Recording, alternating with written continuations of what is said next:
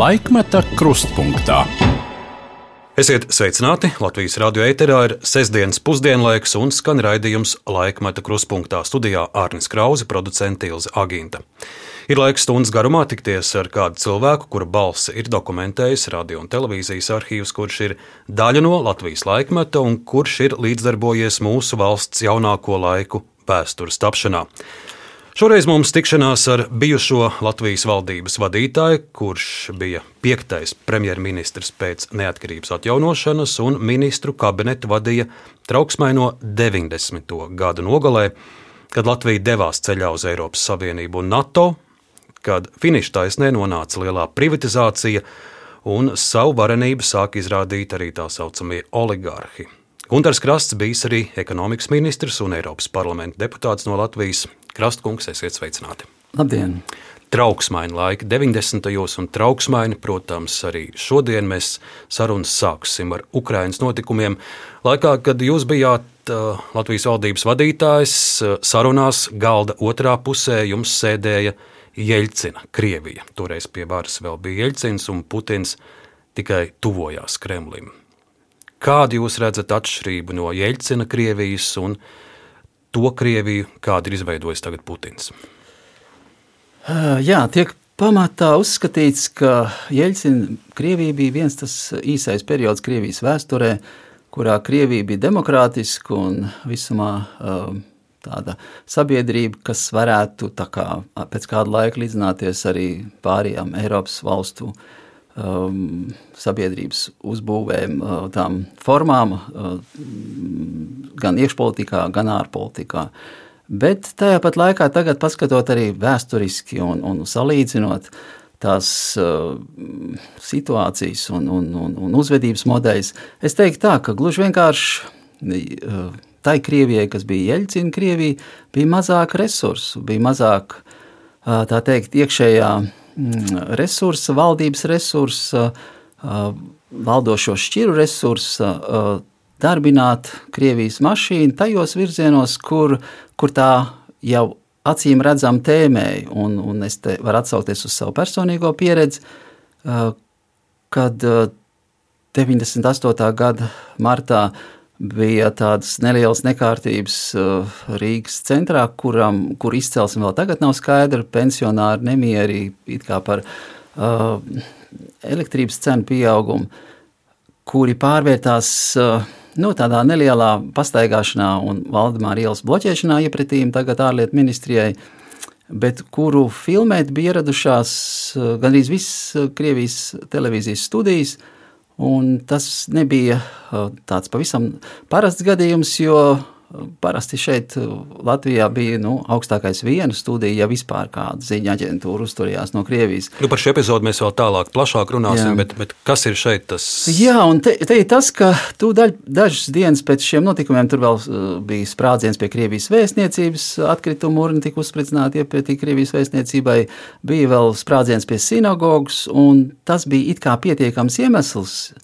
Uh, it kā pietiekams iemesls Krievijas ārlietu ministram Kozirevam, tolaik ārlietu ministram, ja, kurš jau bija zondējis Vācijas ārlietu ministram Kinkelam Berlīnē par iespēju veikt humanitāru misiju Latvijā tā teikt, ievest tankus, lai nomierinātu tos nemierus, kas tur veidojās, un, un, un cilvēktiesību pārkāpumus un tā tālāk. Cik jums drošas toreiz bija šīs ziņas? Tā bija tieša ziņa no Vācijas ārlietu ministra, kurš man savu vēstī pavēstīja Vācijas vēstniecībā Latvijā.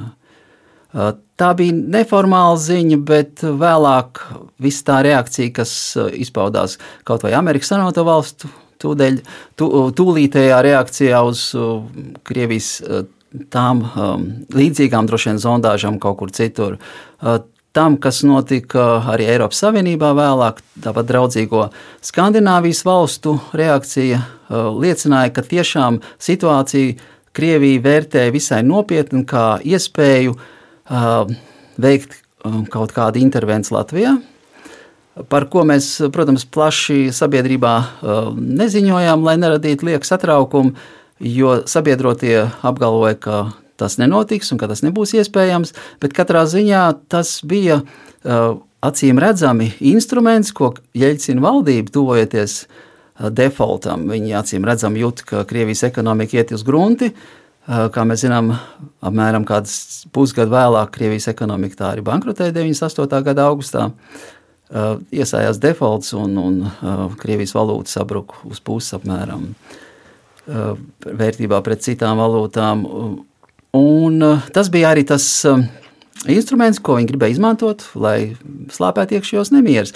Tātad es redzu tieši paralēli ar šodienu, jo acīm redzam, Putina režīma viens no instrumentiem, galvenajiem mērķiem bija slāpēt neapmierinātību, novērst uzmanību no problēmām iekšienē, valsts iekšienē, kā arī, protams, tur nedaudz kompleksāk šobrīd arī vēl stiprināt kaut kādā veidā, savdabīgā veidā Krievijas ārpolitiskos uh, skatījums un tos uh, tās, um, instruments, ko Krievija var pielietot ārpolitikā, bet katrā ziņā tas, tas ir līdzīgs pieejams.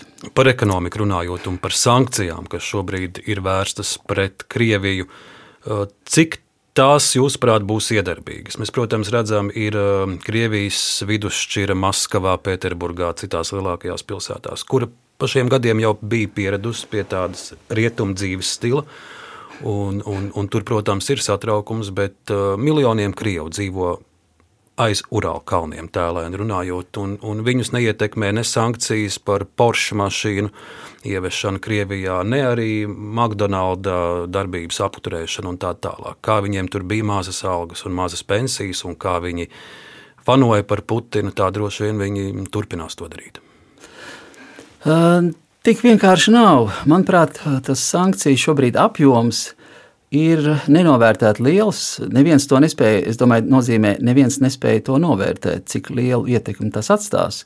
Uh, bet man šķiet, ka uh, tas ir uh, saprotams divējādi. Ne tikai tas, ka nav novērtēts apjoms to ietekmes ziņā, sankciju ietekmes ziņā, bet nav novērtēts arī apjoms, cik sankcijas var atstāt smagu ietekmi, ka ka ekonomika vienkārši sabrūk vispār. Bet nu, Putins vakar teica Kremlī, ka lūk, arī Padomjas Savienība izjūta milzīgas sankcijas no rietumiem, bet tas netraucēja Padomjas Savienībai kļūt par varanu valsti. Un viņš gan nepieminēja ar ko padomu savienībai viss šis stāsts beidzās ar Jā. sabrukumu. Ar ģeopolitisko katastrofu, kā viņš pats teica.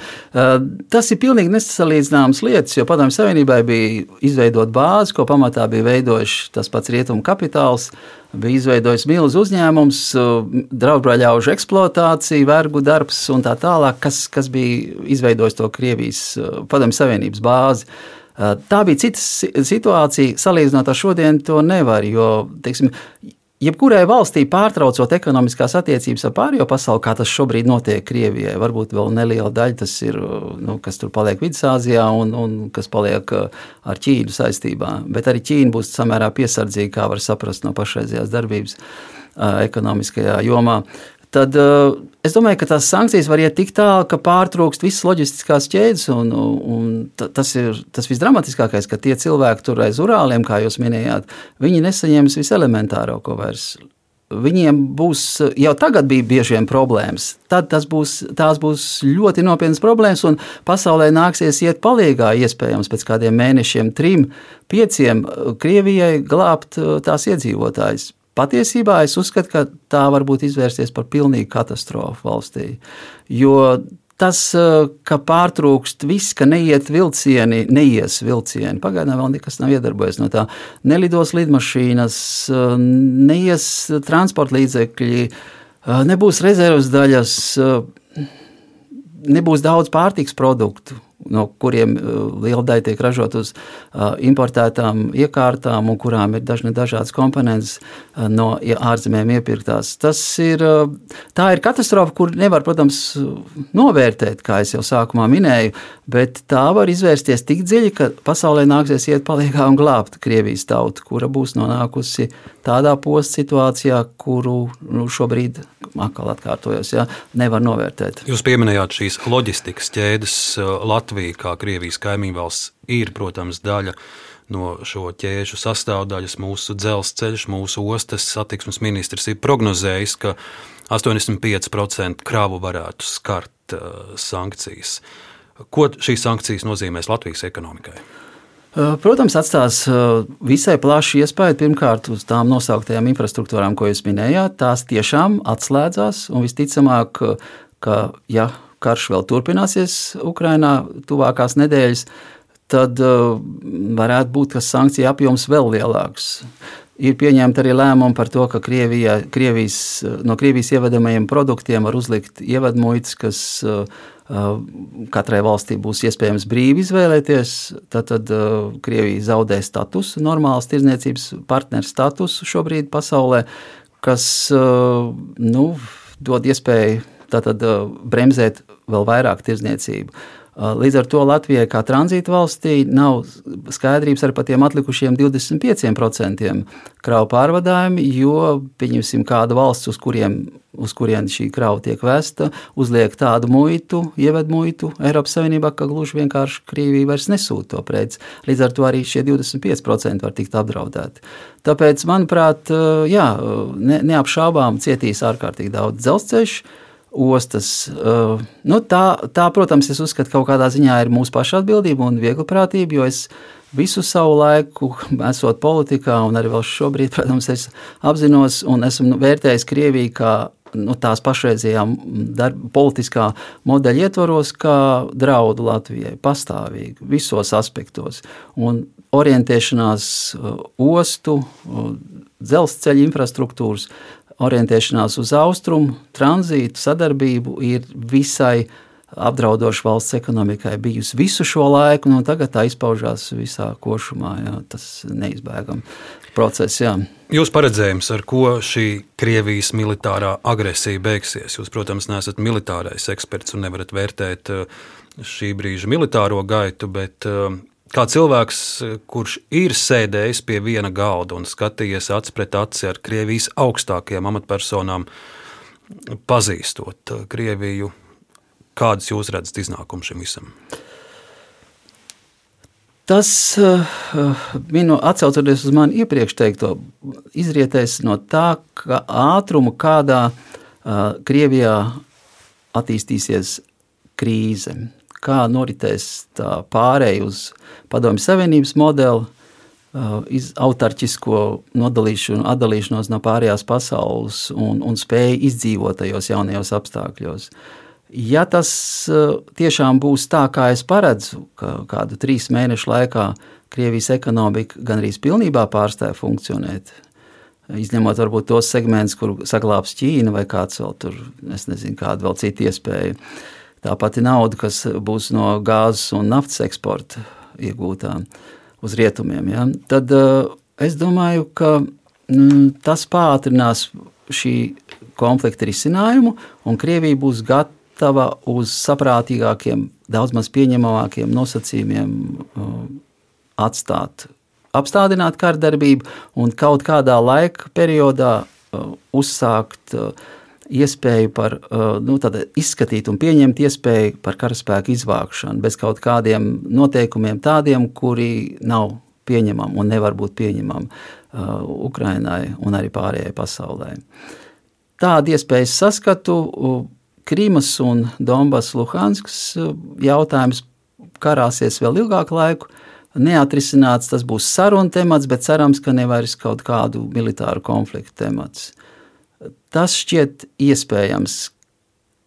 Ka, ne, protams, neizskatot vēl tādus faktorus, kā iespējamu kaut kādu galmu apvērsumu pašā Maskavā, Kremlī, kur tajā gadījumā tas risinājums nāktu daudz ātrāk un vieglāk.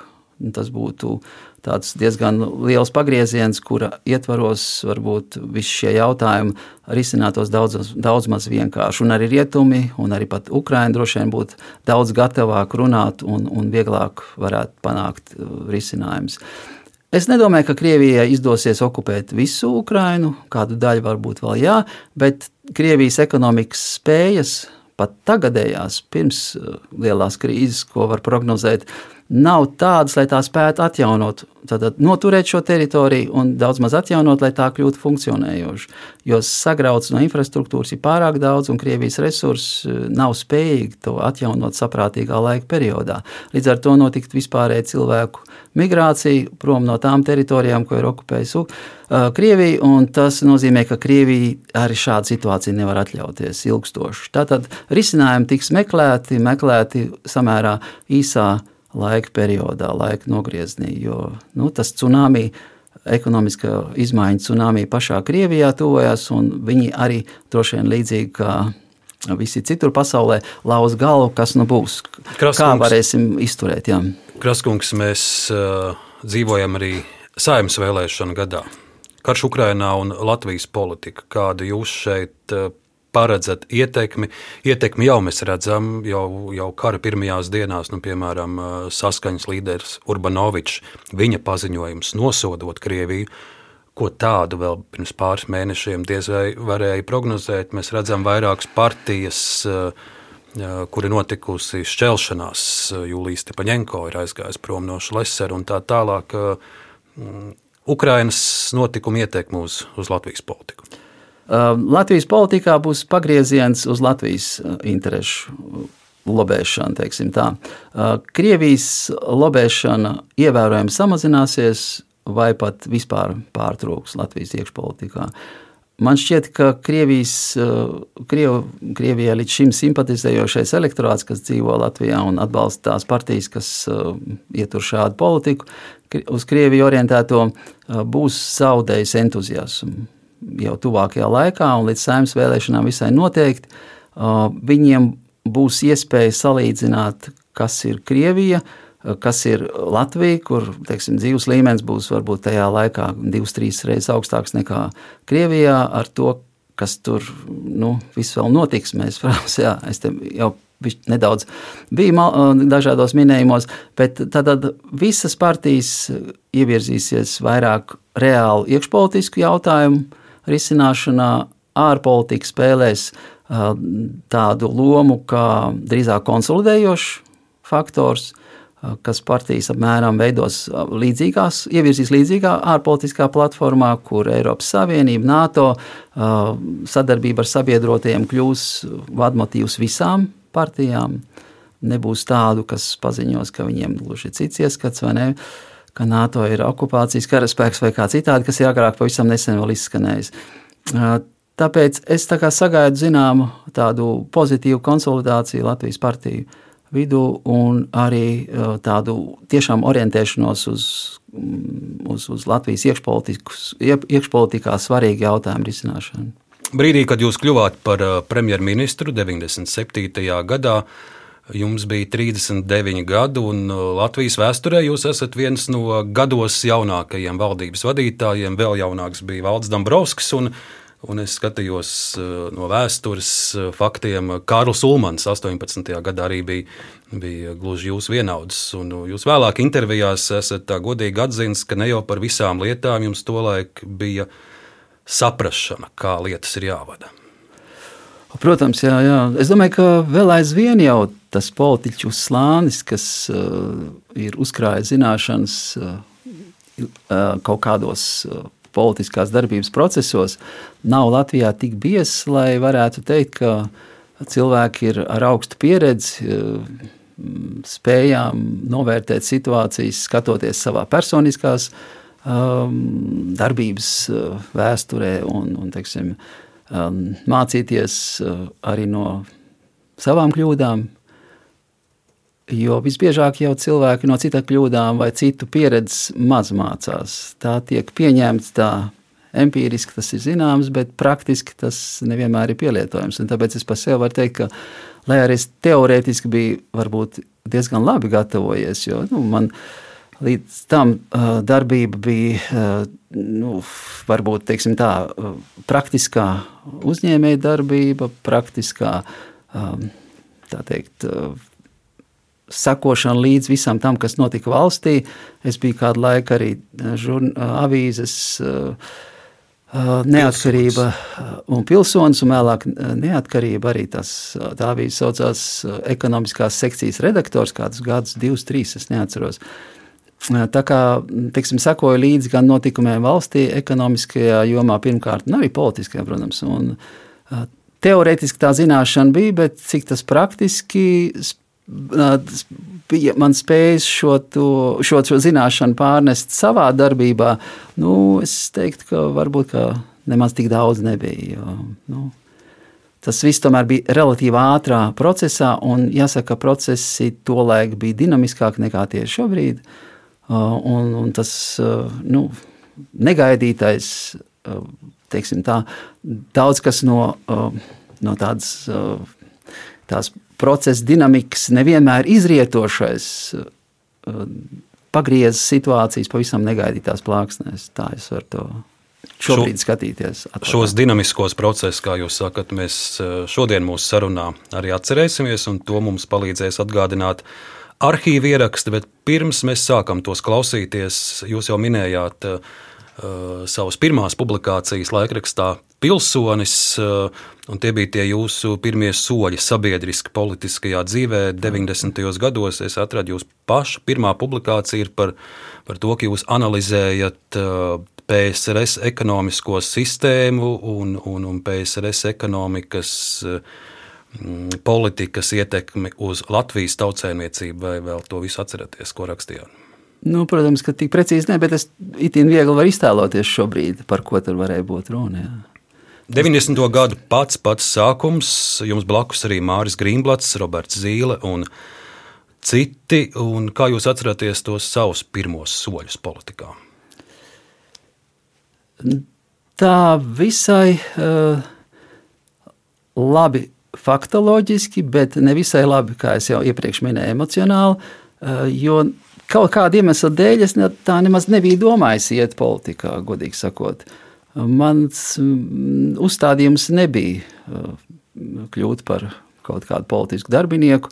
Man, uh, mans uzstādījums nebija tāds, ka es teiksim, tiecos ieņemt kādu amatu, es varbūt atkārtojos, bet uh, es darbojos, bet tas bija samērā negaidīti. Tā, tā visā no sākumā attīstība. bija pilsoņu komiteja, tad bija 18. novembris savienība. Jā, bet tā vienalga nebija tik aktīva politiskā darbība, lai es pēkšņi nonāktu ministra amatā, un es nemaz uz to nebiju skatījies. Nu, pirms tas, ministra amata jūs, kā tagad teikt, jūs bijāt biznesmenis. Es biju, jā, biznesmenis. Un... Kas bija jūsu bizness? Biznesa bija daudzveidīgs, kā jau 90. gados tas bija tipiski. Un, ja tur paskatītos tās firmas, darbību uzskaitījumā, tad tur bija laikam viss. viss. Darbi... Ko tirgojāt, ko pārdevāt, ko pirkāt? Uh, Tirgoja pārdevu lielākā pozīcija bija autokosmētika, autoķīmija, vēl tāda varbūt pat neatceros. Bija arī kaut kas cits, vēl kaut kāda koku materiāli, kas tur tā vai citā gadījums kaut kāds Peļņa bija laba, vai arī bankroti bija? Bankroti nav bijuši. Peļņa bija nepārāk liela. Uzņēmums katrā ziņā bija vidēja izmēra. Bija pakalpojumu joma, kas ieguva lielāku nozīmi vēlāk. Bija, à, bija jā, izslavētā bieži vien ieroču tirdzniecība. Tas bija Sijāranga. Tas bija Sijāranga, jā. Tā bija ieroču tirdzniecība, kas gan aprobežojās tikai ar to, ka Laikam tāpēc, ka nu, es tā personīgi arī diezgan labi komunicēju mm, angļu valodā. Un, Un vēl kaut kādas svešvalodas drusku pieprāt, līdz ar to bija iespējas organizēt uh, ieroču piegādes no, uh, no Rietumē Eiropas. Un tas, acīm redzot, ne visām firmām bija pa spēkam, jo es atceros, ka tas bija salīdzinoši viegli. Mēs apgādājām, ne gan jāsaka, ne lielos apmēros, bet uh, zemesardze un armija. Nevienam privātpersonu kaut kādam lokam, tādiem veikaliem nepārdevām. Tas bija tikai valsts iestāžu ietvaros. Nebija liela pārdevuma, bet, bet bija. Bet, lūk, un pienāk 1995. gads, un, ja mēs tā caur joku varam teikt, jūs ieročus noliekat malā un ņemat rokā politiskos ieročus un dodaties lielajā politikā, startējat sestās saimnes vēlēšanās. Latvijas radio arhīvs ir saglabājis no 1995. gada septembra aģitācijas raidījumu, kur šķiet tā ir pirmā reize vismaz radioeterā, kad uh, tiek fiksēta un skan jūsu balss, un ļaudis uzzina, ka ir tāds Gunārs Krasts, kurš vēlas startēt saimnes vēlēšanās. Mazu fragment no šīs jūsu uzstāšanās paklausīsimies. Ceļā uz sesto saimu.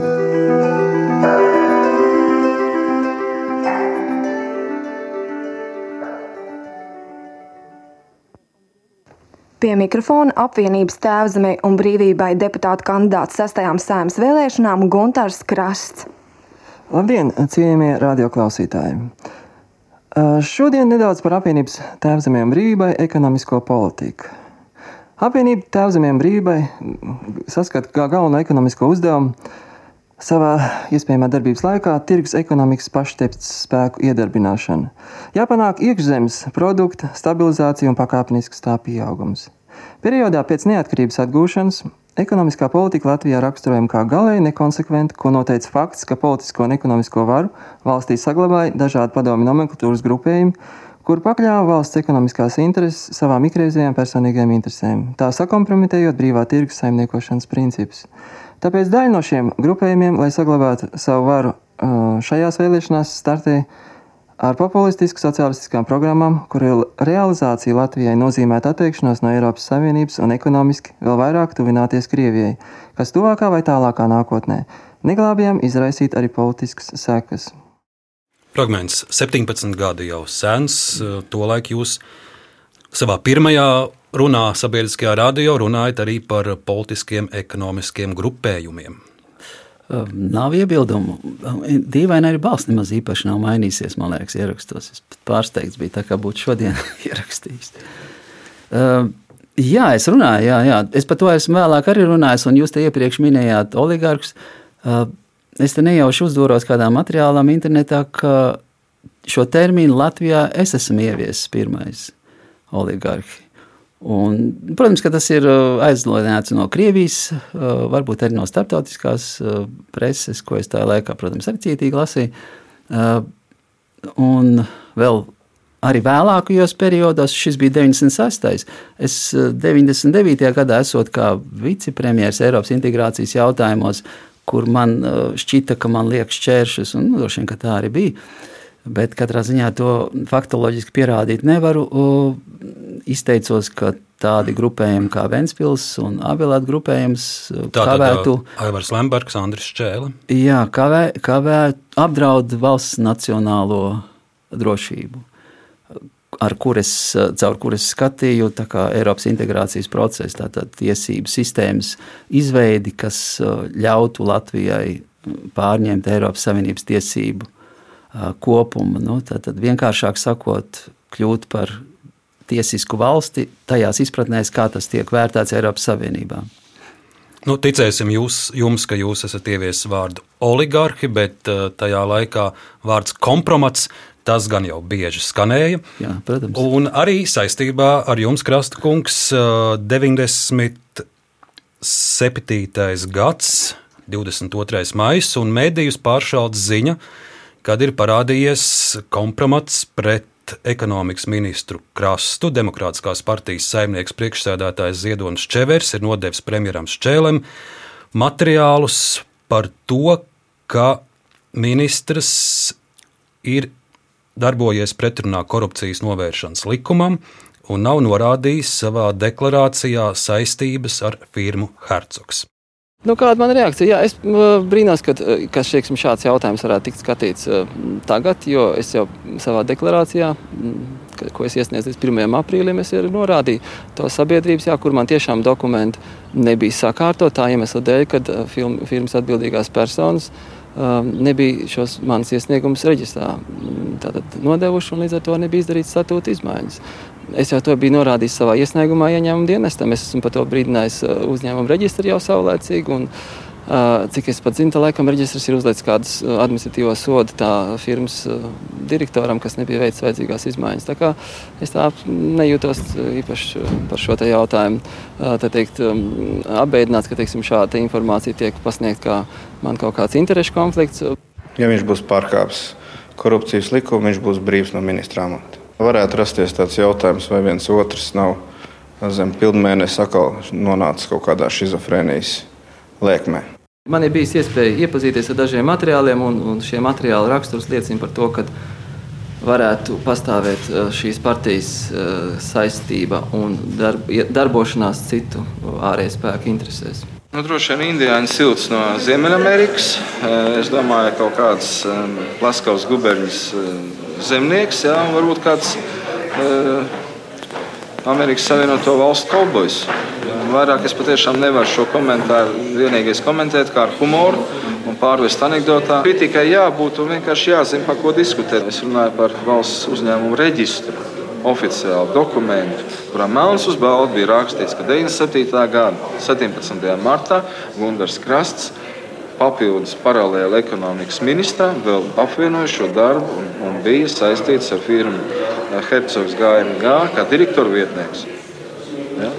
Ja es neticētu pats savām acīm, ja, tad noteikti es grieztos pie doktoriem, lai man izrakstu brīvs. Nu, lūk, nu, lūk, šādi toreiz komentāri. Premjerministrs Šķēla piemin pilnmēnesi, Ziedonis Čevers Kolbojus. Tagad, atminoties šo stāstu, nu, šis ir tāds pirmais notikums, kur saistībā ar jūsu vārdu tiek lietots arī medijos vārds skandāls. Jā, ko es varu komentēt? Ne, es tikai tagad, ne, es biju aizmirsis, ka, ka Ziedonim Čeveram tāda plaša aģentūra dažādās valstīs un vietās, negaidītās. Bet uh, es domāju, ka to lai kaut kāda informācija, kas, kas bija izskanējusi, tā droši vien bija publiska arī, ko es tur izteicu par viņa darbībām. Nu, es nezinu, cik tas vēlāk ir attaisnojies un, un praksis, kā to realitātei parādīs. Bet, bet šķiet, ka kaut kas tur tā kā varēja arī būt, ko man vēlākie notikumi kaut kā vēl vairāk pastiprināja, kas eh, vēl šā skandāla laikā nebija zinām. Attiecībā par viņu darbošanos ar, ar sadarbošanos ar citu valstu kādiem uh, spēkiem. Un tie varēja nebūt indiāņi un kas tur kaut kā. Uh, attiecībā par pašu skandālu, jā, tas bija tāds uh, tehnisks, es teiktu, blefs, Kaut kas tur bija, bet katrā ziņā pārbaudot tos datus, konstatēts bija, ka dokumenti bija iesniegti laicīgi reģistrā. Un reģistrācija uh, uzņēmuma reģistrā bija šo dokumentu reģistrācija par iesniegšanu bija notikusi un fiksēta. Uh, līdz ar to, uh, bet kaut kas tur nebija pievienotie paraksti vajadzīgie. Un līdz ar to tas, tas dokuments arī ienāca vēlāk reģistros un tika fiksēts vēlāk. Bet, Nē, es domāju, ka dokuments tika reģistrēts, jā. bet, bet uh, reģistrācija, izma, izmaiņas reģistrā netika veiktas. Bet Sag... nu, premjeras šķēles balsī mēs dzirdam bargu toni, jūs būsiet vainīgs, jūs varat iet prom.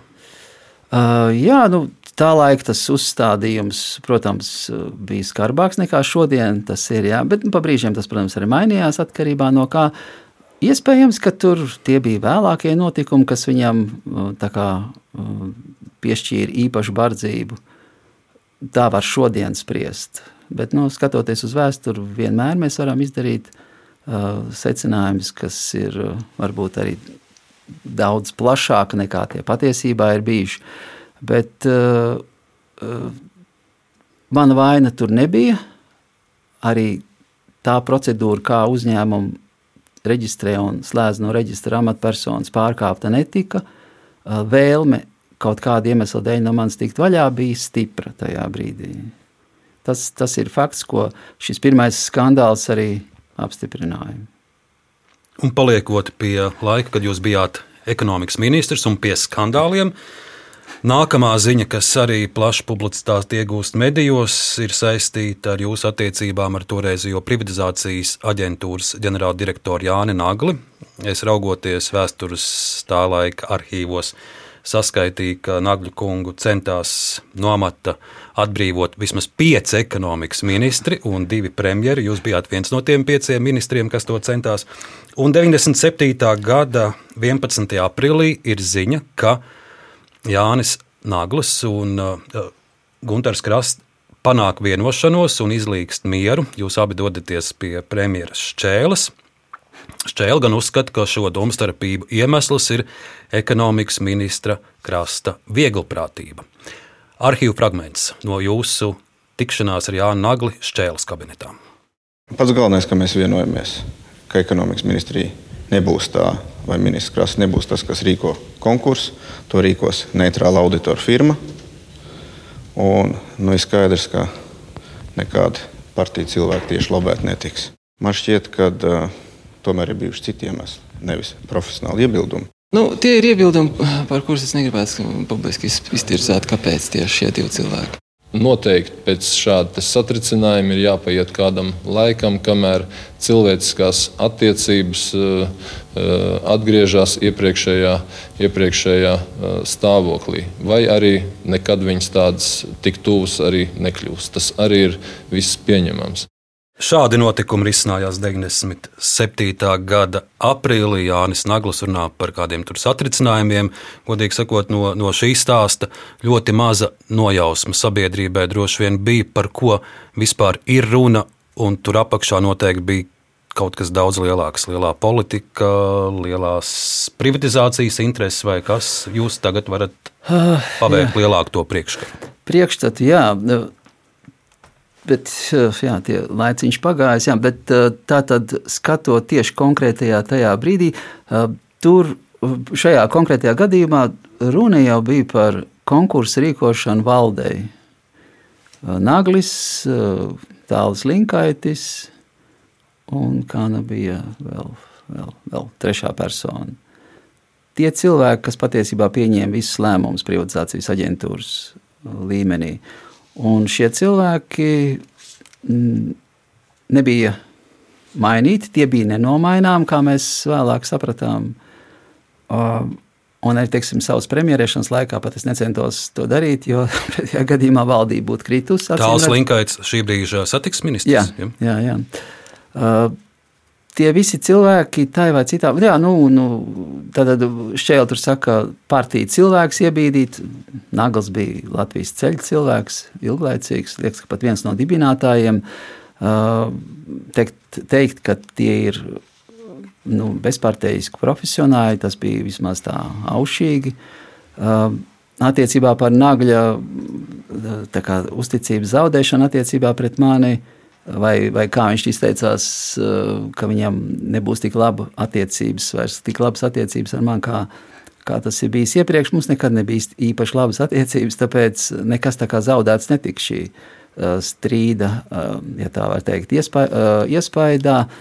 Bet tā doma jau bija gluži vienkārši rīkot atklātu, arī tā skaitā starptautisku auditoru kompāniju, organizētu konkursu par privatizācijas aģentūras valdi. Un, ja šie cilvēki, kas uh, tajā tobrīd darbojās, būtu uzvarējuši, viņiem būtu iespējas uh, atkal uzvarēt un turpināt darbu, ja viņi sev pierādītu labu, un ja viņi, teiksim, līdz šim darba izvērtējums varētu gūt labu atsaucību.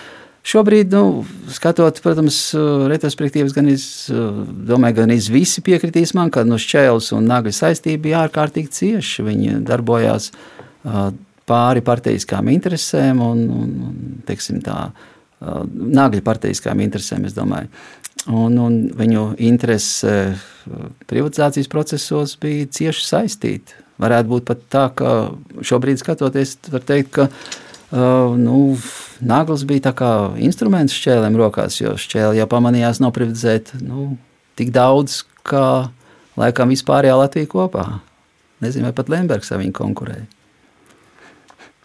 Jūs esat vairāk kārt uzsvērs, ka, lai cik tas varbūt savādi neizklausītos, to laika ekonomikas ministram nebija tieši atbildība par privatizācijas procesiem, bija pat īpašs privatizācijas lietu ministrs. Bet, Jā gadu gaitā ļaudīm tomēr eh, dažkārt rodas priekšstats, un viņi cenšas arī jūs saistīt ar tā brīža lielajiem privatizācijas procesiem, gan Vēncpils nafta, gan Latvijas gāze.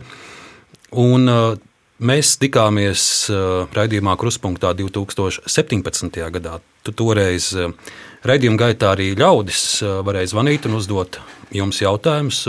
Akurāt viens no šiem jautājumiem bija par privatizācijas procesu Paklausīsimies ierakstu no raidījuma Kruspunkta 2017. gads. Halo? Lūdzu! Labdien! Man diezgan skarbi jautājumi Kraskungam būtu. Jūsu valdīšanas un premjerēšanas laikā tur notika briesmu lietas. Es uzskaitīšu G24, Latel, tā, mm, Latvijas energo 3 miljonu lietu, un nekur neviena vainīgā nav. Paldies, tāds jautājums no G24 ir pirms, krietni pirms man laika. Es pat laikam tajā laikā vēl pat nebija īsti politikā. Nē, nebija pat politikā. Un nedz arī mana partija, to laiku tā zemā brīvība, nebija pat nevienā valdībā. Tur, man liekas, valdības vadītāja bija Birkaus Gailis tajā laikā. Un arī Godmans. Godmans, Godmans jā, tajā laikā. Sākatiem G24. Par Latviju energo tas bija laikā, kad es biju ekonomikas ministrs. Uh, tas, uh, šis jautājums, jā, vēl aizvien man arī palicis nedaudz tādā neskaidrības, uh, tādā plīvurā.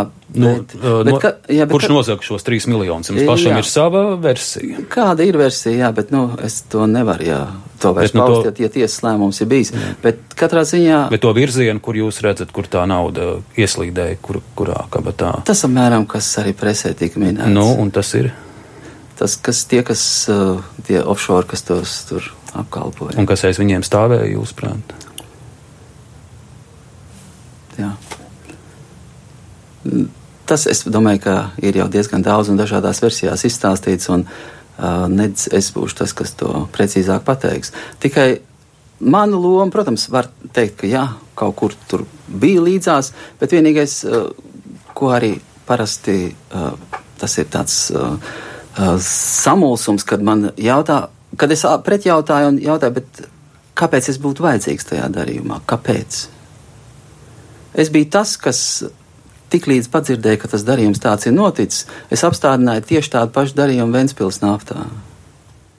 Fragments no mūsu sarunas raidījumā Jā. Kruspunkta pirms pieciem gadiem. Nu, man tur toreiz diezgan jūs nācās paturpināt, lai gan par tiem trīs miljoniem kaut ko vairāk teiktu, vai, vai tagad jums būtu kas vēl papildu piebilstams? Nekas vairāk daudz arī nebūtu. Vienīgi tas, ka patiešām uh, mana kompetence nesniedzās šajā jomā. Un, teiksim, ja pat bija tā, ka tas pats jau šodien vairāk kārt pieminētais Nagļkungs, viņš man dusmīgs zvanīja pēc tam, kad tajā pašā dienā, kā es padzirdēju par to darījumu ar Latviju energo un Bankas Baltijas cesiju tam kādam Lichtensteins uzņēmumam, ja nemaldos, apstādināju un pieprasīju viņam, un arī rakstiski pieprasīju apstādināt tādu pašu spoguļu darījumu Ventspils Nafta Banka Baltija un atkal kaut kāds Lichtensteins vai kas tur uzņēmums.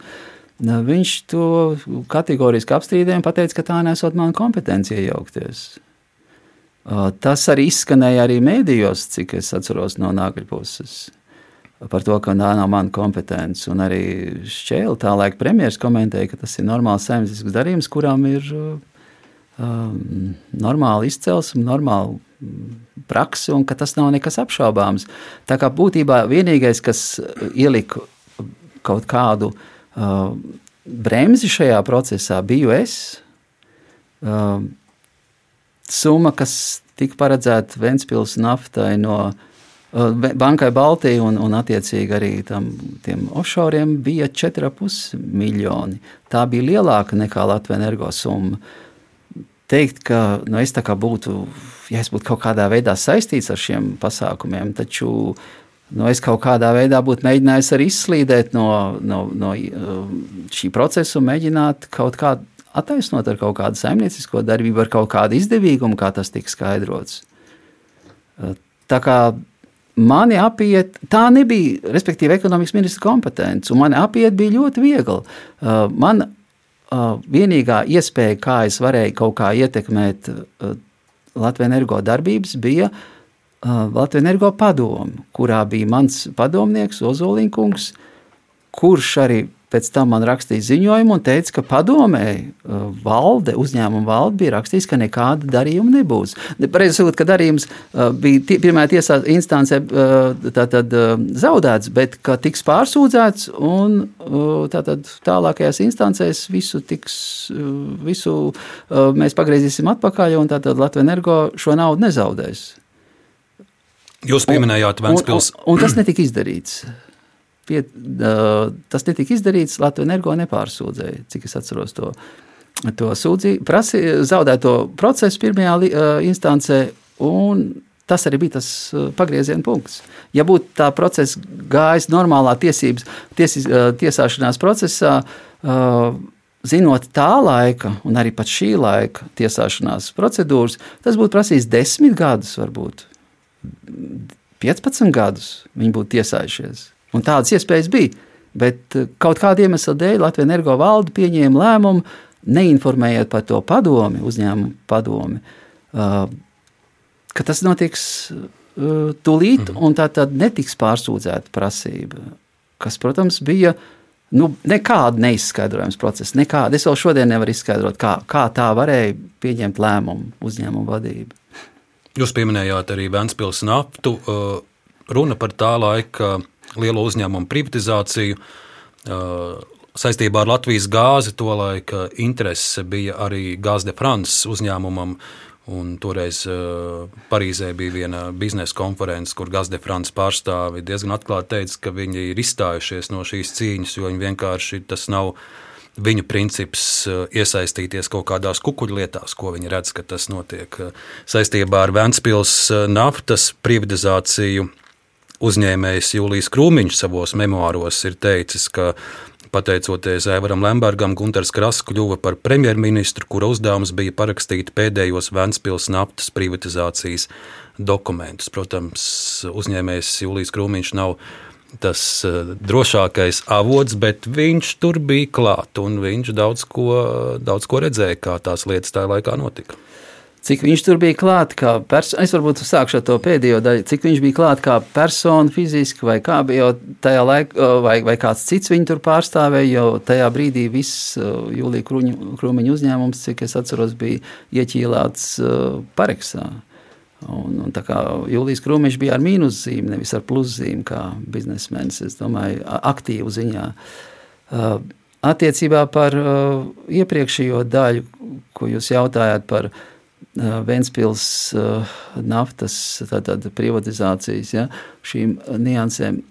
Tas ir, nu jā, ja cilvēks kāds ir kaut kur atradies valdībā, ja, tad, protams, viņš ir vainīgs. Un es arī kaut kādu morālu atbildību, protams, jūtu. Bet ir tā, ka par morālu atbildību par Vēncpils naftas privatizāciju. Ne, par, varēja... par tiem procesiem, kas tur varbūt notika, varbūt. Jā. Nu, ko jūs tagad nedarītu tā kā, kā to laiku? Nu, jā, es, es droši vien būtu uh, aktīvāk uh, mēģinājis atgūt ministra kabinetam tiesības lemt par lielo uzņēmumu privatizāciju. Jo pirms es vispār pārņēmu privatizāciju, es biju, okay, varbūt pašam sākumam skaidrībai, es kā uh, par privatizāciju atbildīgs ministrs biju apmēram trīs mēnešus, jeb divus mēnešus valstī viss tas ir mans privatizācijas, tā teikt, atbildīgās amatpersonas periods. Es būtu, ja šobrīd, no šobrīd pozīcijām skatoties, droši vien mēģinājis atgūt ministra kabinetam tiesības pār uzņēmumu privatizāciju, katru projektu apstiprināšanu, privatizācijas projektu apstiprināšanu, kā tas bija līdz 96. gada februāra mēnesim kad Čēles valdības laikā privatizācijas valsts ministrs Eriks Kaža virzīja uh, ministra kabineta uh, projektu, kurā lielo uzņēmumu privatizācija, tā skaitā Vēnspils nafta, Leta, Latvijas gāze, bija uh, uh, nododama privatizācijā ar privatizācijas aģentūras lēmumu, kur privatizācijas aģentūra uzņēma pārņēma tās funkcijas, kuras līdz tam bija uh, ministra kabineta kompetencē. Tas Bet bija vēl... 21. Mm. gada februārī, 96. gadā. Bet vēl paliekot pie Vēncpils naftas, jūs toreiz izjutāt kādu pastiprinātu interesi vai varbūt kādu spiedienu no tā saucamā uh, Vēnspils grupējuma tolaik? No grupējuma es neizjūtu, bet uh, politiskās partijas, cik es varēju just, protams, bija atbalstošas. Kuras, kuras partijas? Nu, saimnieks Latvijas ceļš. Mhm. Iespējams arī, ka valdība būtu kritusi, ja es būtu sācis likt acīm redzamus nu, tādus teiksim, šķēršļus, kā iebilstu tam vai kā citādi bremzētu. Katrā... Aivara Lemberga loma toreiz izjutāt? Es personīgi viņu pat nepazinu. Vispār esmu dzīvē ticies kāds 3-4 reizes. Arī vēlākajos periodos. Nekā pirms šī laika, jo tas bija pats mans valdības sākums. Bet personiski netikāties, bet vai jutāt, ka viņam ir vara? Nu, man grūti spriest, jā, kā tas izpaudās. Vai tur viņš ietekmē, vai viņš neietekmē. Iespējams, jau ka ietekmē, ko es zinu. Jā. Caur partiju cilvēkiem vai, vai, vai kādiem, kas, um, nu, kas kaut kādā veidā atkal savukārt tos ietekmē. Man, man grūti spriest šobrīd vēl aizvien, bet tas, ka process nenotika paši par sevi, protams, ka kaut kādas ietekmes instrumenti tika lietoti. Cik, cik sabalansēti, cik precīzi tie saistās ar konkrētiem cilvēkiem, ir grūti pateikt. Jo, piemēram, Ventspils naftas privatizācija. Privatizācija nodevis šķēles valdības laikā, kaut kādus mēnešus, divus pēc šķēles stāšanās valdības vadītāja amatā, gan arī nekavējoties. Uh, Gan jāatzīst arī, ka kopumā jau šīs re, darbības balstījās uz starptautiskajām rekomendācijām, ko mums ieteica Startautiskais valūtas fonds, kurš dažne dažādās formās veicināja privatizācijas procesu pātrināšanu. Un kas, protams, pavēra vietējiem politiķiem, arī teiksim, privatizācijas aģentūras līmeņa politiķiem iespējas procesu padarīt mazāk saprotamu, vienkārši tāpēc, ka jāsteidzās un jādara pēc iespējas ātrāk. Pēc iespējas ātrāk. Viens uzņēmums dienā, laikam, pat tāds, tāds sauklis tika izvirzīts šajās valdības laikos. Viens uzņēmums dienā jāprivatizē. Uh, šī, šī te, tendence, kas tolaik, jeb tā, tā formula, kas tika piedāvāta no valūtas fonda, protams, balstījās uz tām pieredzēm, kas bija veidojušies citur pasaulē, tā teoretiskā nostāja bija, ka pēc iespējas ātrāk jādod privātās rokās, vienalga kādās formās, lai tikai tas ir privātais kapitāls, kas pats atradīs veidu, kā funkcionēt efektīvāk. Tajā pat laikā tāds, tāds ievērojams Nobelpremijas laureāt, ek, laureāts ekonomists Jozefs Stiglits, ar kuru man arī izdevās kādreiz parunāties, esot Eiropas parlamentā, kur viņš bija at, uzaicināts uz izklausīšanu par citiem gan jautājumiem. Un kurš bija atbildīgs par Āzijas privatizācijas procesu Āzijā, kā valūtas fonda darbinieks agrākajos gados. Ja? Uh, uz kuru bāzi arī tas uh, valūtas fonds bija veidojis uh, savu koncepciju par straujo privatizāciju. Viņš uh, man, un arī vēlāk publiski bija nosaucis šo procesu par faktiski par tādu de deindustrializāciju. Un kapitāla pārmērīgu koncentrēšanās faktoru, kas pavada šādu sasteigto privatizāciju. Un, ja nav pretīm reāls investors, kas ir spējīgs turpināt biznesu, tad, tad, tad notiek tā deindustrializācija. Ja ir pretī uh, pircējs reāls, kas ir spējīgs, tad notiek kapitāla koncentrācija. Tā kā tas notika piemēram Dienvidkorejā. Un deindustrializācija, kā tas pieņemsim, notika daudzās centrālā austrumē Eiropas valstīs. es atvainojos. Savukārt, uh, ar ko arī atšķirās Lietuvas un Igaunijas, Lietuvas varbūt mazāk, bet Latvijas un Igaunijas privatizācijas pieredze. Uh, Igaunijā privatizēja uh, diezgan daudz ārzemnieki ar pieredzi, zināšanām un kapitālu šos uzņēmumus attīstīt. Pie mums diezgan daudz privatizēja paši, bez zināšanām, bez pieredzes, bez naudas. Tādas, kur varētu piesaistīt šo uzņēmumu modernizācijai un ātrai ieiešanu pasaules tirgos. Tik tālu ieskats tā laika privatizācijas procesos. Krastkungs vēl daži pieturas punkti no jūsu premjerēšanas laika. Aleksandra Laventa atbrīvošana, tā saucamais Krievu pensionāru pikets pie Rīgas domes, arī Krievijas premjera Černomirdina ļoti skarbie izteicieni par jums. Par to visu mēs runāsim jau pēc īsa brīža. Latvijas radio ēterā skan redzējums laikmeta kruspunktā studijā Gunters Krasts.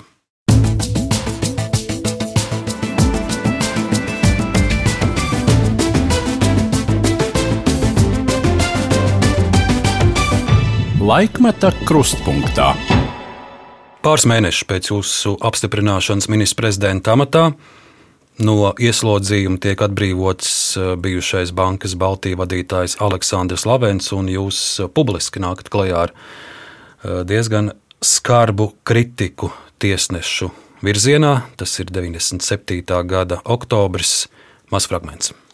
Konkrētie pasākumi, ko es esmu ierosinājis Tieslietu ministrijā izvērtēt, ir tiesneša atalgojums un pensija. Īpaši nodalīt pensiju fonda veidošanu, kuru tiesnesis varētu saņemt beidzot savu darbu mūžu pēc nevainojama darba. Tātad uzkrājošais, uzkrāšanas pensijas fonds, kurš būs pieejams tikai pēc darba mūža beigām. Kā garantija tam, lai tiesnesis nebūtu ieinteresēts sabojāt savu biogrāfiju. Ja es komentēju šo tiesas izvēlēto drošības līdzekli, tad tas ir viss neefektīvākais un visdārgākais drošības līdzeklis.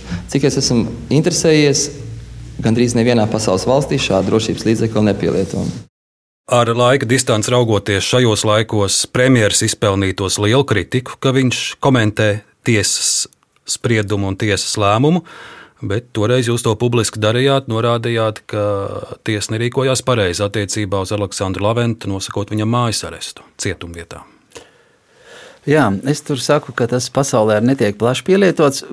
Pielietots jau tiek, bet tad ir kaut kādi citi drošības līdzekļi. Mūsu gadījumā bija tā, ka es pēc tam sazinājos ar uh, iekšlietu ministrijas uh, atbildīgajām amatpersonām, un man pavēstīja, ka viņiem lieku ekipāžu nesot, un benzīnu vispār nesot, gandrīz nemaz. un tā iemesla dēļ nekāda apsardze nebūšot. Tad viņš dzīvos dzīvoklī un viss. Un zinot visu to iepriekšējo pieredzi, kas mums ir bijis šādos gadījumos, eh, protams, ka es iebildu. Un, un, un man patiesībā citādi nekas neatliek. Es droši vien būtu darījis tieši tāpat arī šodien, ja situācija būtu bijusi līdzīga. Gan iemantoja līdz ar to uh, Laventu naidu. Kā tas izpaudās? Nu, tas bija tā, ka gan kādi Krievijas mēdī, uh, Krievijas, okay, ne, Krievu valodā rakstošie mēdīji un arī Krievijas mēdīji pret mani sāk nu, ļoti negatīvi kļūt, ļoti strauji. Pie tam, pirms tam bija tā, tā. Ne, ierobežot, tagad bija par, par visu laukumu. Arī kāda Latvijas mēdīja sāk rakstīt par mani ievērojami sliktāk. Uh, nu, tā, teiksim tā, bez, bez, bez uh, jebkādas argumentācijas, gluži vienkārši slikti un viss. Un arī tas pats Jūlijs Krūmiņš, piemēram, kļuva ļoti eh, naidīgs, eh, un, un, un viņam parādījās dažādas ziņas, jo viņš atradās lielā mērā Laventa eh, atkarībā. Un Lavents bija tas, kas bija viņu kā biznesmenu, tā es saprotu, iecēlis saulītē.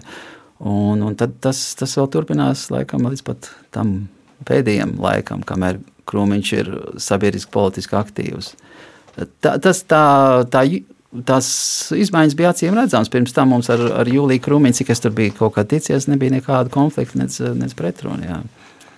Premjer, amatā esot, jūs iemantojāt no uzņēmēja vidus vēl vienu nedraugu, un tas bija uzņēmējs Lansmanis. Arhīva liecina arī, ka 97. gada nogale, decembris 16. un publiski parādās ziņa, ka ir aizturēta spirta krava, un uzņēmējs uzskata, ka tā ir apmelošana, un uh, premjerministrs Krasts ir tas, kas ir pasūtījis šo lietu pret uh, uzņēmēju. Arī arhīvu fragments. Krasts organizēja personīgi politisku kampaņu pret mani, lai diskreditētu mani kā uzņēmēju. Ir pietiekami liela dokumentu pakete, kas pierāda, ka ne teorētiski, ne praktiski šajā muitas noliktavā nevarēja notikt nekāda darījuma, kas saistīta ar spirtu pārliešanu vai ūdens ieliešanu mucās, jo muitas nota atrodas nepārtrauktā muitas kontrolē. Par uh, kaut kādu vēlmi vērsties pret kādu vienu noteiktu uzņēmēju vai kā citā, tas ir diezgan abstrakts, jo faktiski ir šobrīd jau skaidrs, ka tā ir liela starptautiska afēra, kur iesaistīti gan uzņēmēji no Amerikas Savienotajām valstīm, Latvija ir sadalījums centrs. Tā tad uh, stāsts par sešiem spirta vagoniem, aizdomu par kontrabandu, par uh, spirta nomaiņu ar ūdeni, Cik no tā laika notikumiem jums ir atmiņā, ko varat pastāstīt tagad? Um, pārāk daudz gan nav, jo es tiešām pats uzzināju to informāciju, un es jau neko tādu uh, neveicu, nekādas īpašas darbības. Nebija jau premjeras kompetencē kaut ko tur pārbaudīt, skatīties, vai tas spirts ir pietiekams kvalitātes, vai šķaidīts, vai kā citādi. Tā bija informācija, kas bija pieejama. Tā kā Lansmaņa kungs bija diezgan augsts amatpersona, amatpersona Latvijas ceļā, tad uh, politiskajā partijā, kas tolaik bija manas valdības koalīcijā, tad uh, nu, viņš arī varēja atļauties tādu drosmīgu paziņojumu, tā kā izdarīt pret mani drīzāk politisku spiedienu. Tādā veidā mērķējot uz mani kā politisko personu no Latvijas ceļu pozīcijām. Saka, tu pārāk tur nelēkā, gan jau gan pretējā gadījumā mēs tur varam vērsties pret tevi. Ja? Man liekas, ka tā bija viņa reakcijas uh, puse. Jo patiesībā jau, nu, ja tur izmeklēšana notiek, tas jau, un ja viņš neko nav darījis, tad jau nekādu lielu bažu nevajadzētu būt. Nu, tāds, tāda informācija bija ienākusi, liekas, ka no, es neatceros no muitas vai no, vai no drošības policijas, es neatceros no kurienes konkrēti. Uh, tā bija jāpārbauda. Tā kā tas tajā laikā tā kontrabandas uh, apkarošana bija tāda visai nu, tāda nu, tādu teiksim, irdeni, ja, nosauksim, tad ņemot vērā tās um, kontrabandas milzīgos apjomus, tad bija loģiski pievērst uzmanību, nu, kaut ko darīt. Un tā bija objektīva reakcija, kas man bija. Uh, jā, jā, man bija jārēģē vienkārši, nu, ko es gan citu varēju darīt patiesībā. Un vēlāk ja tās darbības jau daļai pierādīja, vai pat pilnībā es neatceros, kā tas tur beidzās, ka tiešām tas spirts tur ir pārliec, un Lansmeņa kungs pats pazuda no Latvijas uz kādiem gadiem. Nu, šos visus mēs varam saukt par tādiem vietējiem, lokāliem skandāliem, bet eh, bija arī daži notikumi jūsu valdības laikā, kur ieguva starptautisku rezonansi. Bija ebreju sinagogas eh, spridzināšana vecrīgā, Un arī stāsts par tā saucamais Krievu pensionāru pikets pie Rīgas domas, ko mēs nesen runājām ar tā laika policijas šefu Juru Rekšņu. Viņš uzskata, ka tur bija provokācijas pazīmes. Un drīz vien pēc šiem notikumiem pie Rīgas domas ļoti ass un ļoti skarbs paziņojums no tā laika Krievijas premjerministra Černomirdina jūsu virzienā. Вот уровень этого премьер-министра таков. Да до какого же нужно, как же нужно опуститься, чтобы дойти до такого, чтобы Россия, Россия вывела пенсионеров. Жаль, очень жаль, что в Риге или в Латвии сегодня такой премьер. Es uzreiz arī iztulkošu. Černomirdins saka, cik zemu gan vajag nolaisties, lai Krievija vainotu notikušā provokācijā, kāds gan ir šāda premjera līmenis. Starpvalstu attiecībās liels skandāls. Eh, bieži nenāks dzirdēt, ka viens valsts premjerministrs otram savam kolēģim velta tik asus vārdus. Jā. Man liekas, ka tur vēl teksts pietrūkst. Tur ir pat uh, viņš vēlāk sit uh, dūri uz galda un saka, ka viņš ar tādu premjeru nevar runāt. Jā, to viņš arī tālāk saka. Jā, tā viņš arī saka. Jā. Un, uh, tur tas uh, humors sanāca viens no lielākajiem humoriem šajās starptautiskajās attiecībās ar Krieviju, ka apmēram divas dienas vēlāk, divas dienas vēlāk Jeļcins viņu atlaida no amata. Tad uzskatot, ka ja tāds runāt nevar, tad, tad attiecīgi viņi arī jārīkojas. Tā Čeramidins tika atlaists no amata un nekad vairs nopietnos amatos netika iecelts. Tur gan šis stāsts, protams, ir diezgan plašs jāvērtē, jo sākas tur. Sāks tas viss process, man liekas, kādu mēnesi iepriekš, vēl es esmu vizītē Ukrainā, tiekos ar Ukrainas prezidentu kurš Ukrāņiem raksturīgajā stilā, tolaik spēlējot starp austrumiem un rietumiem, sāk sarunas par to, kā mēs teiksim, plānojam tur enerģētisku neatkarību, par ko es viņam tur kaut ko stāstu. Ja? Tā skaitā par, par to, ka es esmu pasūtījis no Eiropas Savienības pētījumu par Latvijas apgādi ar gāzi no arī no alternatīviem avotiem, ne tikai no Krievijas. Un tas varēja raisīt Černobirdina. Jā, un, un, un tas bija vienkārši tehnisks tāds stāstījums, jo viņš man cītīgi iztaujāja par enerģētikas jautājumiem. Ukrainai tobrīd bija kaut kādi miljardi dolāru parādi Gazpromam, un, un, un Ukraina kaut kā mēģināja meklēt kādus spiedienu instrumentus. Un tas arī pēc tam man pilnīgi negaidot parādās Černomirdina izvērstajā preses konferencē, kur viņš, kur viņš šo jautājumu gluži izvirzīja kā centrālo kaut gan tas bija gluži uh, malējs, tehnisks informācijas jautājums, atbildot uz viņa uh, prasījumu. Ja? Tā kā Tur varēja uzkrāties kaut kāda nepatika, un pēc tam varbūt arī tas, ko viņš pēc tam bija dzirdējis Rīgā no, no, no, no vietējiem Latvijas gāzes pārstāvjiem, ka, nu, ka es tur tāds esmu diezgan skeptisks par, par to privatizācijas modeli, gan par, par daudzām citām lietām, kas attiecas ar, par Krievijas gāzes apgādēm, iespējām, par Inčkalnu krātuvu un tam līdzīgi. Un tad viņa asums pieauga retorikai. Tad arī parādījās uh, Krievijas mēdī, Latvijas mēdījos, krieviski rakstošajos, aicinājumu uz šo demonstrāciju.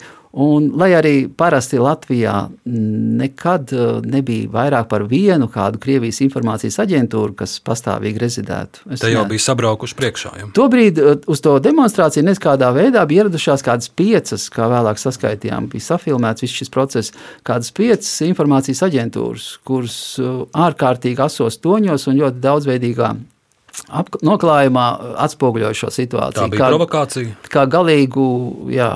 Un man, man tika jautāts, un es, ja nemaldos, Latvijas žurnālistei atbildēju, jā, ka tā izskatās tā, tā jocīgi, dīvaini, jā, ka tas varētu arī būt tā. Jo, un sadusmojāt Černomirdinu. Un tad es kā sadusmoju ķēdes reakcijā Černomirdinā. Bet visam fonā vēl notika tāda tendence, ka naftas cena turpināja pasaules tirgos kristies, un Krievijas ekonomiskā situācija strauji pasliktinājās. Kā mēs zinām, divus gadus vēlāk Krievijai bija defaults, ja, un šī iemesla dēļ arī Uh, Jeļcins mainīja premjerministrs vienu pēc otra. Belijas Krastkungs, kādas jums tolaik bija attiecības ar valsts prezidentu Guntu Ulmani, jo 98. gada 28. janvārī ziņu aģentūrās parāda, parādās informācija, premjerministrs Krasts neierodas pilī uz tikšanos ar valsts prezidentu. Es neatceros tādu gadījumu, uh, jo kurš gan neies pusdienās, ah, tikšanās. Jā. Mums parasti tikšanās bija pusdienas, tāpēc kurš tad nu ne, neiet. Jā. Bet, jūs uh, toreiz tur žurnālistiem skaidrojat, ka esat aizņemts un nevarat ierasties. Premjerministrs Ulmans tā kā nu, tāds sabēdājies, nu, ja nav laiks pas, pastāstīt, kas notiek valstī, nu, tad neko. Jā. Nu, man tad ir ļoti žēl, jo nu, tas tā viņa apbēdinājis, bet patiesībā es neko neatceros, ka mums būtu bijušas kaut kādas uh, redzamas domstarpības. Es tiešām neatceros. Varbūt, ka tiešām bija kaut kas jādara vairāk nekā uh, tas, ka viņš uh, palika neinformēts. Bet varbūt, varbūt šis ir tas retais gadījums, ka mediji varbūt kaut ko arī piepušķo. Retais, jūs gribētu teikt. Bet no mūsu sarunas varētu šķist, ka viss jūsu valdības laiks ir bijis vieni skandāli un, un, un dažādi starpgadījumi, bet, protams, ka tas tā nav.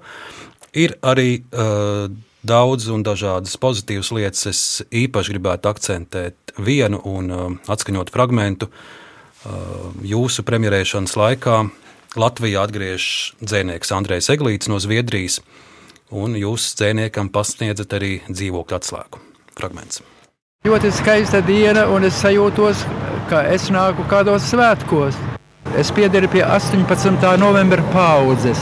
Tad, kad ar lielām grūtībām mēs tikām pie 18. novembra.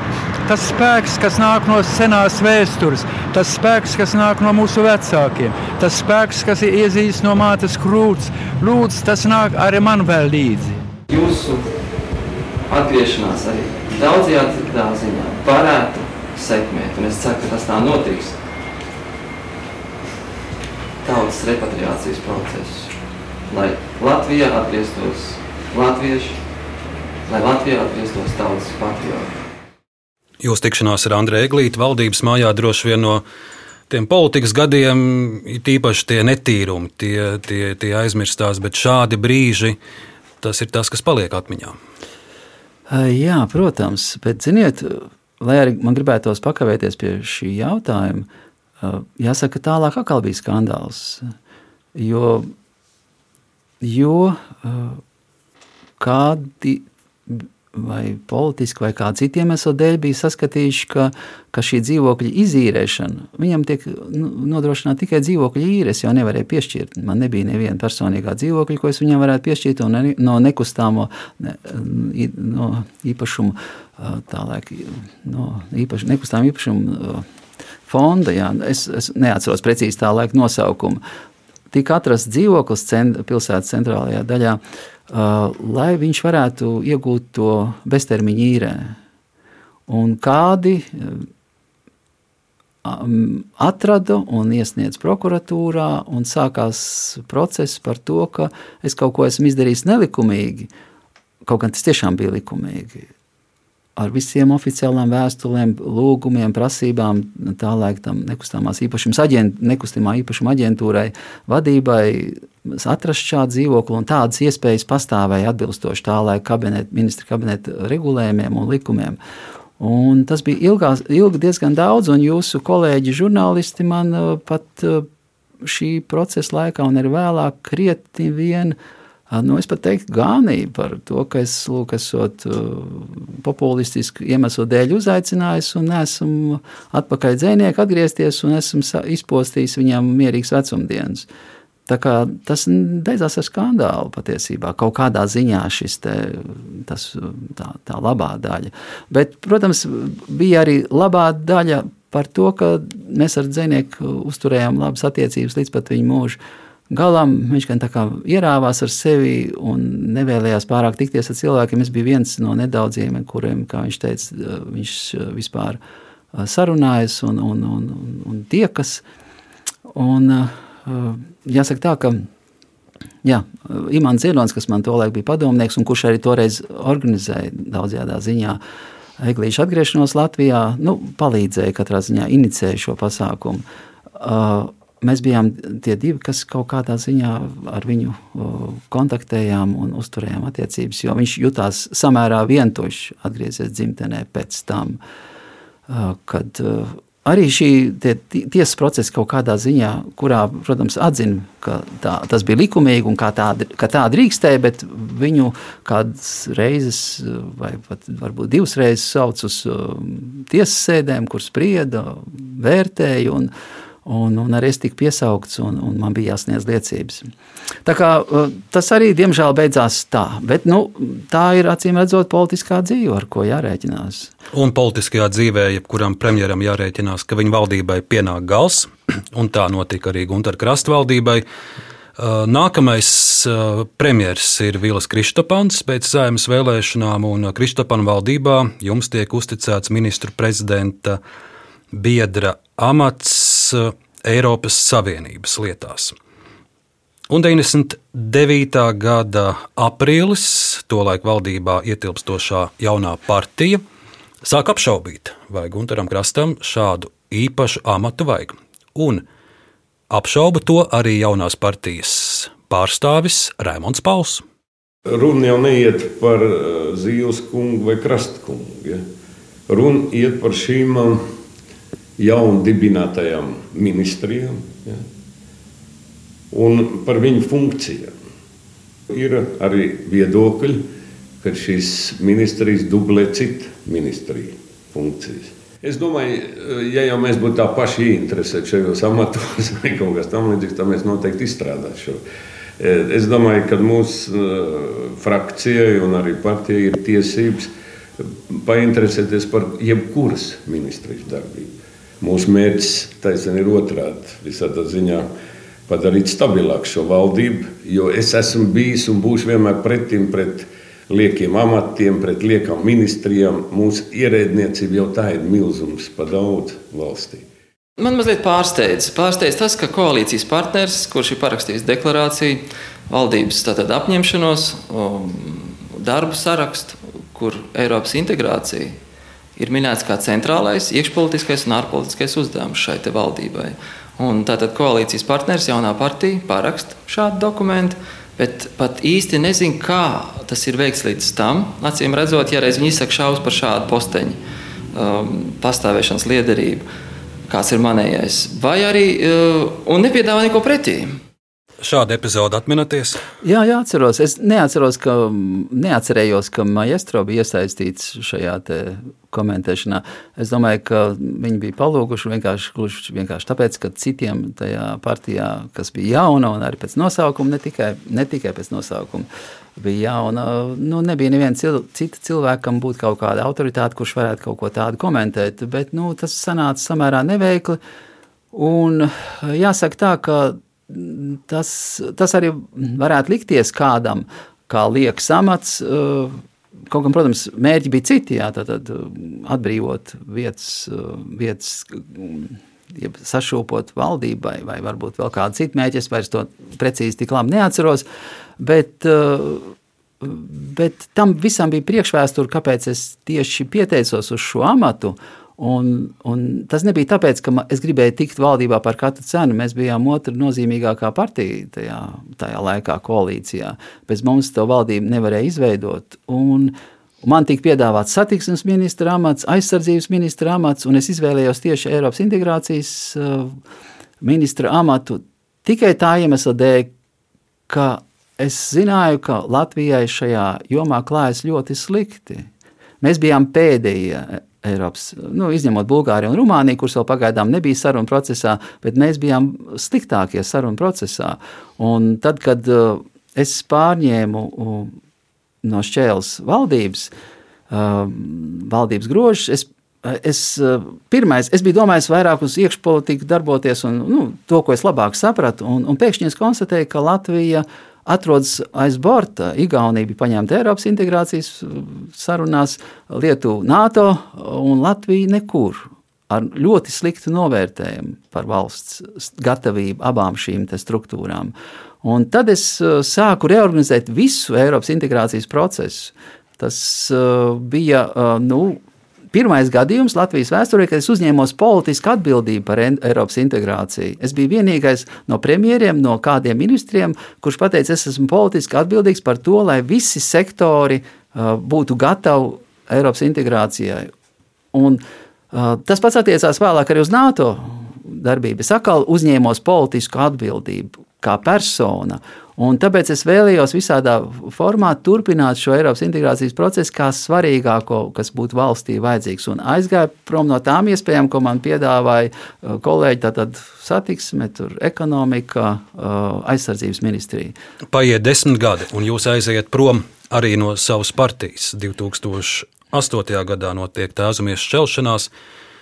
Partija, ar kur jūs ilgu laiku bijāt kopā?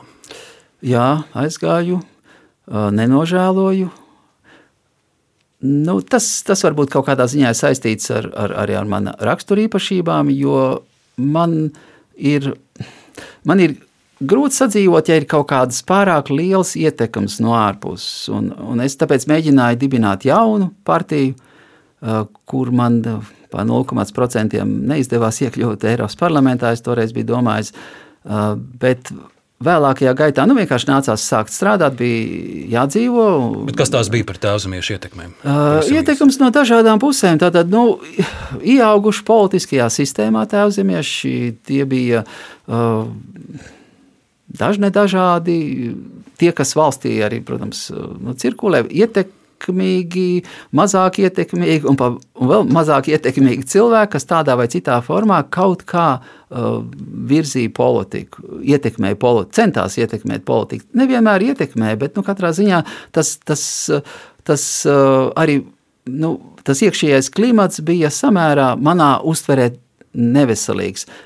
Es saprotu, ka politiskās partijas laikam tā jau darbojas, un arī šobrīd ir redzams tas pats process. Bet es biju nedaudz arī ideālistisks, un, un arī šobrīd vēl raugos uz to, ka nu, vajadzētu tam notikt maksimāli neatkarīgi no dažādiem ārējiem procesiem, ka partijas biedri ir tie, kas lemj. Un, un, un, un es vienmēr esmu skatījies uz arī pēc tam uz tādiem nu, spēkiem, kas nav saistīti ar, ar, ar citiem politiskām elitēm, ar, ar ekonomisko elitu vai kā citādi. Lai būtu uh, tā viedokļa daudzveidība. Tas ir, tā ir vienīgā demokrātijas priekšrocība iepratiem totalitāriem režīmiem. Tas ir, ka, ka ir brīvdomība, ka ir, ka, ka ir uh, tomēr nav ietekmēšanās no kaut kādiem uh, spēkiem, kuri virza savus šaurākus intereses nekā tas ir sabiedrībai kopumā. Nacionāla apvienība šodien tāda vairs nav, kāda bija tēvzemieši pirms gadiem, 10, 15. Tagad es pat neesmu sekojis tik uzmanīgi līdzi, bet man liekas, ka tā ir krietni zaudējusi intelektuālo potenciālu, krietni marģinālāk savā uh, programmatiskajā uzstādījumā. Vienīgi nu, teiksim, nostabilizējusies tīri administratīvu valdības sistēmā un spēja itin labi darboties vēl aizvien. Kraskungs, es ceru, ka jūs neesat vīlies uh, par tiem audio fragmentiem, kurus mēs sarūpējām, lai atcerētos jūsu politiskās gaitas. Kas jums pašam likās tāds, ko jūs bijāt vai piemirsis, vai, vai kas jums bija tāds interesantākais no dzirdētā? Tas par to ķeveru aģentūru. Jā. Ar tiem kaubojiem. kaubojiem un kas tur vēl bija. Jā. Tas bija interesanti. Pārējais tā, tā vai citādā veidā, es, protams, biju atcerējies kaut vai, nu, jā, visi tie tādi pietiekami būtiski, būtiski elementi bijuši manā valdības, kā valdības laikā, tie, protams, nevarēja pazust no atmiņas pilnībā. Nianses var būt, bet kopumā nē. Lielas paldies, ka atsaucāties sarunai! Jā, paldies jums par interesi, par, par interviju. Bijušais Latvijas valdības vadītājs Gunārs Krasts. Paldies! Klausieties mūsu vērtā laikā un vietā arī Latvijas radio mājaslapā un visās populārākajās straumēšanas platformās raidījuma autori Arnēs Krauss un Ilza Aginta par skaņu rūpējās Elizabete Šaicānava un Reinas Budze. Paldies un turpiniet klausīties Latvijas radio!